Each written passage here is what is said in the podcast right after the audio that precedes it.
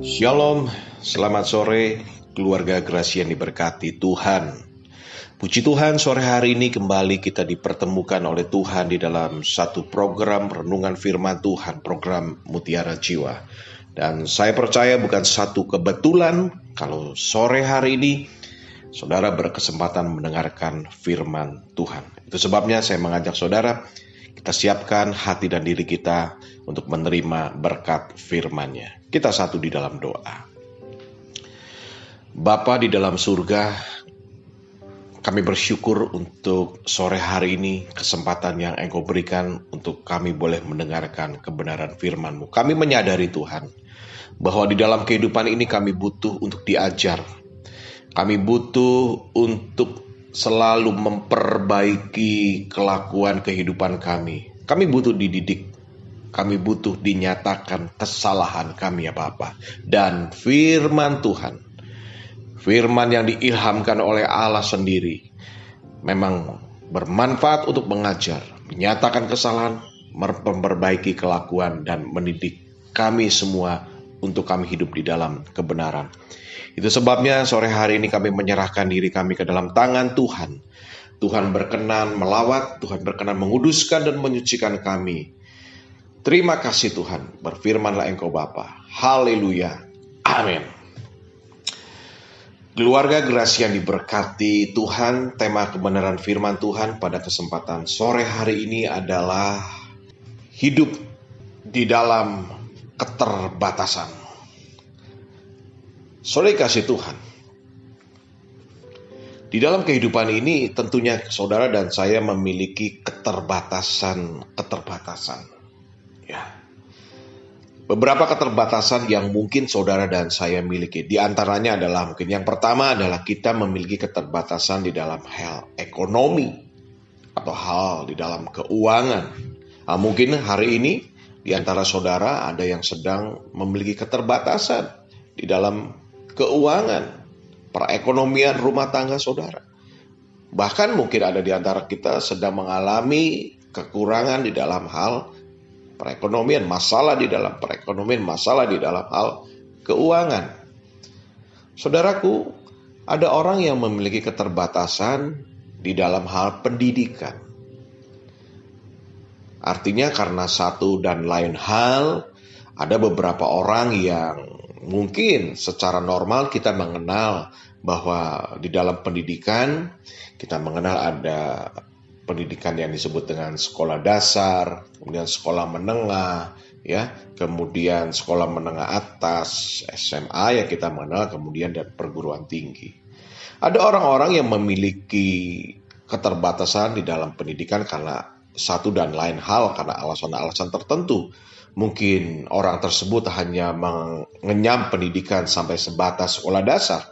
Mungkin ada orang yang mengenyam pendidikan hanya sebatas SMP, atau mungkin orang ada orang yang uh, mengenyam pendidikan hanya sebatas SMA, atau bahkan saya pernah menemukan ada orang yang untuk sekolah dasar pun dia belum lulus oleh kasih itu. Artinya yang mau saya sampaikan di sini adalah itulah kehidupan di dalam lingkungan kita ataupun mungkin di antara kita mengalami itu, mengalami keterbatasan di dalam hal pendidikan. Dan keterbatasan yang selanjutnya, saudara mungkin ada di antara kita yang mengalami keterbatasan di dalam hal fisik. Ya. Mungkin keterbatasan di dalam fisik di antara panca indera kita, kita mengalami keterbatasan Nah, soalnya kasih Tuhan, ada juga yang memiliki keterbatasan dalam hidup di dalam latar belakang keluarga. Keluarga yang misalkan broken home atau keluarga-keluarga yang hidup di tengah kesederhanaan bahkan sampai ke dalam kemiskinan dan sebagainya. Nah, Bapak Ibu yang dikasih Tuhan, keluarga gerasi yang diberkati. Ada orang yang memiliki keterbatasan di antara empat yang saya sebutkan contoh-contoh tersebut Ya, mungkin ada yang memiliki satu atau di antara dua keterbatasan tersebut. Ada orang yang memiliki keterbatasan dalam pendidikan, juga memiliki keterbatasan di dalam hal ekonomi. Ada orang yang secara ekonomi dia tidak memiliki keterbatasan, tetapi dia memiliki keterbatasan dalam hal fisik. Ada orang yang fisiknya baik tapi memiliki keterbatasan di dalam hal pendidikan dan sebagainya dan sebagainya soal kasih Tuhan ya. Nah, Bapak Ibu keluarga Gracia yang diberkati Tuhan, keterbatasan hidup atau di dalam hidup kita yakin dan percaya bahwa itu bukanlah akhir dari hidup itu sendiri. Ketika kita mempunyai keterbatasan-keterbatasan tersebut, itu bukan adalah akhir dari hidup sendiri. Artinya kita tidak memiliki harapan dan sebagainya. Yang harus saudara dan saya sadari adalah bahwa Tuhan telah mengaruniakan setiap manusia, saudara dan saya, lengkap dengan kekurangan dan juga kelebihan kita memang memiliki banyak keterbatasan. Mungkin kita memiliki beberapa keterbatasan, kelemahan. Namun di saat yang sama, saudara dan saya juga harus menyadari bahwa Tuhan menganugerahi saudara dan saya banyak kelebihan, kemampuan, dan kekuatan untuk menjalani hidup.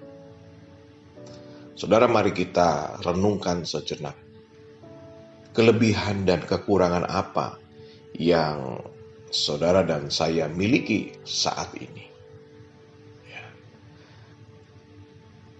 Ketika kita memiliki kekurangan, percayalah bahwa Tuhan pasti memberikan kelebihan. Saudara kasih Tuhan, satu kebenaran firman Tuhan yang akan mendasari uh, tema kita pada kesempatan sore hari ini saya ambil di dalam 2 Korintus 12 ayat yang ke-9. 2 Korintus 12 ayat yang ke-9, namun saya akan membacakan untuk saudara eh, dari 2 Korintus 12 ayat 9 ini dalam versi bahasa Indonesia sehari-hari ya supaya kita lebih eh, memahami apa yang tertulis di dalam 2 Korintus 12 ayat yang ke-9. Demikian firman Tuhan. Tetapi Tuhan menjawab, Aku mengasihi engkau dan itu sudah cukup untukmu. Sebab kuasaku justru paling kuat kalau kau dalam keadaan lemah. Itu sebabnya saya lebih senang membanggakan kelemahan-kelemahan saya. Sebab apabila saya lemah, maka justru pada waktu itulah saya merasakan Kristus melindungi saya dengan kekuatannya. Amin. Saudaraku, keluarga Gracia yang diberkati Tuhan. Ini adalah salah satu surat dari Rasul Paulus yang ditulis kepada jemaatnya di Korintus. Ya. Ketika dikatakan sebab kuasaku, kuasa Tuhan, Tuhan berkata sebab kuasa Tuhan justru paling kuat kalau kita, saudara dan saya dalam keadaan lemah. Mengapa dikatakan demikian? Karena ketika kita merasa kuat, ketika kita merasa bisa melakukan dengan kekuatan kita sendiri, saudara dan saya memiliki kecenderungan untuk mengabaikan Tuhan. Ya. Ada banyak orang ketika dihadapkan kepada suatu masalah, kepada sesuatu pergumulan dan sebagainya, selalu berusaha mengatasi masalah atau pergumulan tersebut dengan kekuatan kita sendiri. Dan ketika kita merasa bahwa masalah, pergumulan kita, kita bisa selesaikan dengan kekuatan kita sendiri. Nah, di situlah kuasa Tuhan tidak bekerja secara full, secara sempurna, saudara. Karena apa? Karena kita merasa kita bisa menyelesaikan dengan kekuatan kita sendiri tanpa campur tangan Tuhan. Saudara, tetapi ayat ini berkata selanjutnya bahwa sebab apabila saya lemah, maka justru pada waktu itulah saya merasakan Kristus melindungi saya dengan kekuatannya. Saudara kebalikan dari yang tadi. Ketika kita merasa bahwa ketika kita menghadapi pergumulan, ketika kita menghadapi permasalahan dan sebagainya, kita merasa lemah, artinya kita merasa terbatas, maka di situlah saudara dan saya boleh merasakan bagaimana sesungguhnya kita butuh kuasa Tuhan. Kita butuh Tuhan untuk bekerja. Dan dikatakan waktu itulah saudara dan saya merasakan Kristus melindungi kita semua dengan kekuatannya. Saudaraku yang dikasih Tuhan, keluarga gerasi yang diberkati. Saudara, di dalam kehidupan kita sering mengenali apa yang kita mengenal akan dua hal yaitu kesuksesan dan kegagalan. Saudara, sukses dan gagal atau kesuksesan dan kegagalan adalah diibaratkan sebagai dua sisi dari mata uang yang saling melengkapi.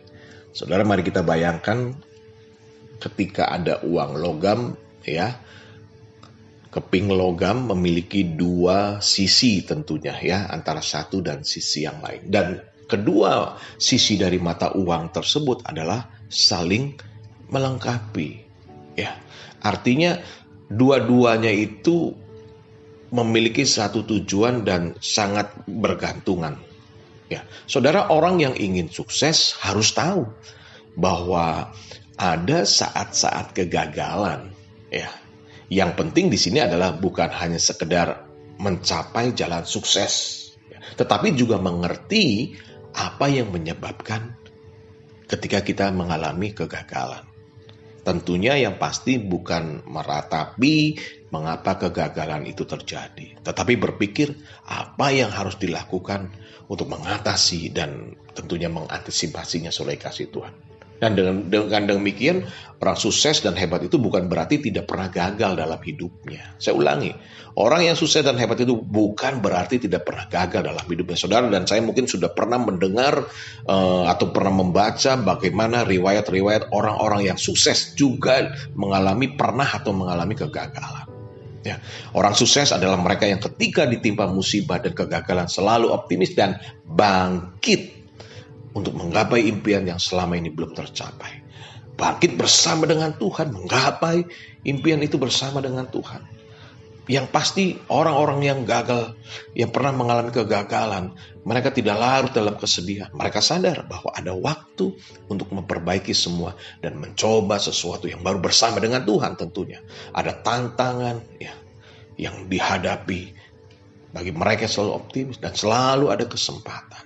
Nah, saudara kasih Tuhan, kita akan belajar ada beberapa tokoh di dalam Alkitab yang Alkitab catat pernah mengalami uh, bukan mengalami uh, hidup di dalam keterbatasan. Ya, ada beberapa tokoh Alkitab yang hidup berada di dalam keterbatasan. Yang pertama, tokoh yang sangat terkenal yaitu Daud. Ya, di dalam satu peristiwa, saudara pasti mengingat benar ya bahwa satu peristiwa ketika Daud berhadapan dengan Goliat. Daud memiliki beberapa keterbatasan. Keterbatasan Daud, Daud berperawakan kecil. Firman Tuhan mengatakan seperti itu. Daud berperawakan kecil, apalagi dibandingkan dengan Goliat yang kurang lebih tingginya itu 2 meter 40 sungai kasih Tuhan. Dan Daud masih belia ketika saat menghadapi Goliat. Masih sangat muda sekali. Dan profesi Daud bukan seorang tentara. Keterbatasan yang dimiliki Daud ketika menghadapi Goliat adalah Daud saat itu adalah seorang gembala. Tetapi luar biasa. Di dalam keterbatasan seorang yang bernama Daud, Tuhan pilih, Tuhan pakai untuk mengalahkan Goliat yang penuh dengan kelebihan ya sebagai untuk seorang uh, tentara sore kasih Tuhan. Goliat bertubuh raksasa, sangat berpengalaman dan juga tentunya Daud adalah sorry Goliat adalah orang seorang prajurit yang profesional sudah dikasih Tuhan dengan perlengkapan perangnya. Nah, Bapak dikasih Tuhan. Tokoh yang kedua yang memiliki keterbatasan yaitu Musa. Saudara juga pasti familiar dengan riwayat tentang Musa. Musa, salah satu keterbatasan Musa yang sangat terkenal yang Alkitab catat adalah bahwa Musa mengalami keterbatasan dalam hal berbicara. Alias Musa itu adalah seorang yang gagap sunai kasih Tuhan. Ya, baik. Uh, kita akan baca di dalam Keluaran 4, Keluaran 4 ayat 10, 11 dan 12. Demikian firman Tuhan. Lalu kata Musa kepada Tuhan, Ah Tuhan, aku ini tidak pandai bicara. Dahulu pun tidak dan sejak engkau berfirman kepada hambamu pun tidak. Ya, sebab aku berat mulut dan berat lidah. Ayat 11, Tetapi Tuhan berfirman kepadanya, Siapakah yang membuat lidah manusia? Siapakah yang membuat orang bisu atau tuli? Membuat orang melihat atau buta? Bukankah aku, yakni Tuhan? Ayat 12, oleh sebab itu pergilah. Aku akan menyertai lidahmu dan mengajar engkau apa yang harus kau katakan. Seorang Musa, Bapak Ibu ini kasih Tuhan, ketika dia dipanggil oleh Tuhan, ya, dia menyadari bahwa dia adalah orang yang memiliki keterbatasan. Musa berbicara di dalam ayat 10 dikatakan, Tuhan, aku ini gak pandai bicara. Ya, dari dulu, ya, sejak engkau berfirman sampai sekarang pun masih sama, memiliki keterbatasan. Dikatakan aku ini orang yang berat mulut dan berat lidah. Atau dengan kata lain, aku ini nggak bisa ngomong loh Tuhan.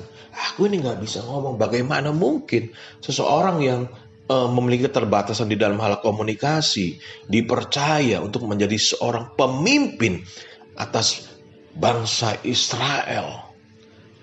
Musa berpikir seperti itu dan memang Sepintas memang logis Bapak Ibu dikasih Tuhan. Untuk menjadi seorang pemimpin dibutuhkan juga orang yang bisa berkomunikasi dengan baik. Ya. Tetapi ayat 11 berkata, tetapi Tuhan berfirman kepadanya, siapakah yang membuat lidah manusia? Siapakah yang membuat orang bisu atau tuli, membuat orang melihat atau buta? Bukankah aku yakni ya Tuhan? Artinya dengan kata lain, Tuhan ingin menyampaikan kepada Musa. Ketika Musa berkata, Tuhan saya ini terbatas, saya ini tidak mampu. Tetapi Tuhan ingin menunjukkan kepada Musa akan keberadaan siapa Tuhan. Tuhan adalah Allah yang tidak terbatas, Allah yang berkuasa. Itu sebabnya di dalam ayat 12 firman Tuhan berkata atau menulis oleh sebab itu pergilah Aku akan menyertai lidahmu dan mengajar engkau apa yang harus kau katakan. Saudara keluarga gerasi yang diberkati Tuhan. Firman Tuhan tetap sama dulu, sekarang, dan selama-lamanya. Ketika kita berserah dan menyerahkan semuanya itu kepada Tuhan, percayalah apa yang menjadi keterbatasan kita. Di dalam penyertaan Tuhan, Tuhan akan memimpin, Tuhan akan mengajar, Tuhan akan membimbing saudara dan saya. Nah, saudara kasih Tuhan contoh berikutnya adalah Gideon. Ya. Saudaraku, keluarga yang diberkati Tuhan. Gideon adalah seseorang yang berasal dari sebuah suku yang paling kecil. Dari sebuah keluarga yang tidak dikenal. Tetapi Tuhan pakai, Tuhan pilih menjadi salah satu pemimpin, salah satu hakim terbesar di Israel. Dan Alkitab mencatat Gideon berhasil mengalahkan bangsa Midian hanya dengan 300 orang. Karena Tuhan menyertai. Ya. Sudah kasih Tuhan. Itu terus dalam Hakim-Hakim 6 ayat 15 dan 16 firman Tuhan berkata. Tetapi jawabnya kepada jawab Gideon kepada Tuhan, "Ah, Tuhanku, dengan apakah akan ku selamatkan orang Israel?" Ketahuilah kaumku adalah yang paling kecil di antara suku Manasye dan aku pun seorang yang paling mudah di antara kaum keluargaku. Ayat 16 berfirmanlah Tuhan kepadanya, tetapi akulah yang menyertai engkau. Sebab itu engkau akan memukul kalah orang Median itu sampai habis. Saudara pun dikasih Tuhan sama ketika Musa juga dipanggil oleh Tuhan, dipilih oleh Tuhan. Setelah beralasan, Gideon juga berkata, Tuhan, Gimana caranya saya dapat menyelamatkan orang Israel? Tuhan tahu kan, kaumku ini adalah kaum yang paling kecil di antara suku Manase. Artinya Gideon menyadari bahwa suku Manase adalah suku yang paling kecil di antara suku-suku yang ada di Israel. Ya, dan dikatakan Gideon mengalami keterbatasan bagaimana mungkin untuk menjadi seorang pemimpin yang akan mengalahkan bangsa Midian karena usianya yang paling muda di antara kaum keluarga aku. Gideon berpikir inilah keterbatasan-keterbatasan yang dia miliki. Tetapi ayat 16 berkata, berfirmanlah Tuhan kepadanya, tetapi akulah yang menyertai engkau. Sebab itu engkau akan memukul kalah orang Midian itu sampai habis. Saudara, keluarga Grace ini berkati Tuhan. Sekali lagi Tuhan yang sama. Tuhan juga akan berkata kepada saudara, kalau saudara menyerahkan semuanya ke dalam tangan Tuhan, berharap kepada Tuhan. Tuhan berfirman, tetapi Tuhanlah yang akan menyertai saudara dan saya. Oh haleluya saudara dikasih Tuhan. Saudaraku, keluarga generasi yang diberkati Tuhan. Di dalam mengatasi keterbatasan yang kita miliki, di dalam mengatasi keterbatasan yang saudara dan saya harus hadapi, yang terpenting bukan apa yang kita miliki saat ini, keterbatasan apa yang kita miliki ataupun kelebihan apa yang kita miliki. Namun ketika saudara menghadapi harus mengalami keterbatasan memiliki keterbatasan itu, yang terpenting adalah siapa yang kita kenal. Bila saudara dan saya mengenal Tuhan Yesus Kristus, bila saudara dan saya mengenal Tuhan Yesus Kristus, Tuhan yang tidak terbatas, Tuhan yang penuh kuasa. Bukan hanya tidak terbatas dan tidak yang penuh kuasa saja. Tetapi Tuhan yang kita kenal adalah Tuhan yang maha baik, penuh kasih. Nah, bila saudara dan saya mengenal Tuhan Yesus Kristus dan memiliki hubungan, nah ini yang penting Bapak Ibu dikasih Tuhan. Ini yang penting, memiliki hubungan yang akrab dengan Tuhan. Artinya saudara dan saya memiliki relasi yang baik dengan Tuhan. Ya, banyak orang mengenal Tuhan Yesus, mengenal kebaikannya, mengenal kuasanya, ya, mengenal kasihnya, tetapi tidak memiliki hubungan yang akrab dengan Tuhan, tidak memiliki relasi yang baik dengan Tuhan, tidak memiliki persekutuan yang baik dengan Tuhan. Pengenalan itu akan sia-sia Bapak Ibu dikasih Tuhan. Hanya sekedar sebatas pengenalan. Tetapi yang terpenting ketika kita memiliki keterbatasan, bukan hanya pengenalan akan Tuhan saja, tetapi kenal dan miliki hubungan yang baik, yang akrab dengan Tuhan. Maka apa yang terjadi saudara kasih Tuhan? Ini adalah yang disebut ketika saudara mengerjakan apa yang menjadi bagian saudara. Bagian saudara adalah kenal Tuhan Yesus Kristus dan memiliki hubungan yang baik, yang akrab, yang melekat, memiliki persekutuan yang baik dengan Tuhan. Maka Tuhan akan mengerjakan apa yang menjadi bagiannya. Apa, menjadi, apa yang menjadi bagian Tuhan? Tuhanlah yang akan membuka pintu keberhasilan saudara. Tuhanlah yang akan membuka pintu kesuksesan saudara di tengah-tengah keterbatasan-keterbatasan yang saudara miliki dalam hidup. Amin. Tuhan memberkati kita semua. Kita satu di dalam doa. Bapa, sekali lagi kami bersyukur. Kami berterima kasih sore hari ini Tuhan yang sudah menyampaikan kepada kami Bapa. Sungguh kami menyadari bahwa kami di dalam hidup ini memiliki keterbatasan-keterbatasan. Kami memiliki kelemahan-kelemahan, tapi satu hal yang kami percaya, di tengah keterbatasan, di tengah kelemahan yang kami miliki Tuhan. Engkau menganugerahi kepada kami banyak kelebihan. Di tengah keterbatasan kami, di tengah kelemahan kami, Engkau menganugerahi kepada kami banyak kemampuan dan kekuatan untuk menjalani kehidupan ini. Bagian kami adalah ketika kami sudah mengenal Engkau akan kasih kuasa dan kebaikannya Tuhan. Biarlah dengan kekuatan dan pimpinan kuat kuasa Roh Kudus mampukan kami untuk kami memiliki sebuah relasi hubungan yang akrab dengan Tuhan. Mampuan kami untuk setiap hari Bapa, untuk kami selalu bersekutu dengan Engkau ya Bapa. Terima kasih Tuhan, terima kasih. Mampukan kami boleh menjadi pelaku-pelaku firman Tuhan. Tuhan memberkati setiap kami. Tuhan memberkati radio ini Tuhan. Tuhan memberkati ya Bapak seluruh pengurus staff. Semua yang ikut ambil bagian di dalam radio suara Gracia ini. Tuhan selalu memberkati dan menjadi berkat. Terima kasih Tuhan. Haleluya. Amin. Puji nama Tuhan. Selamat sore Bapak Ibu dikasih Tuhan, keluarga Gracia diberkati. Tuhan memberkati. Immanuel.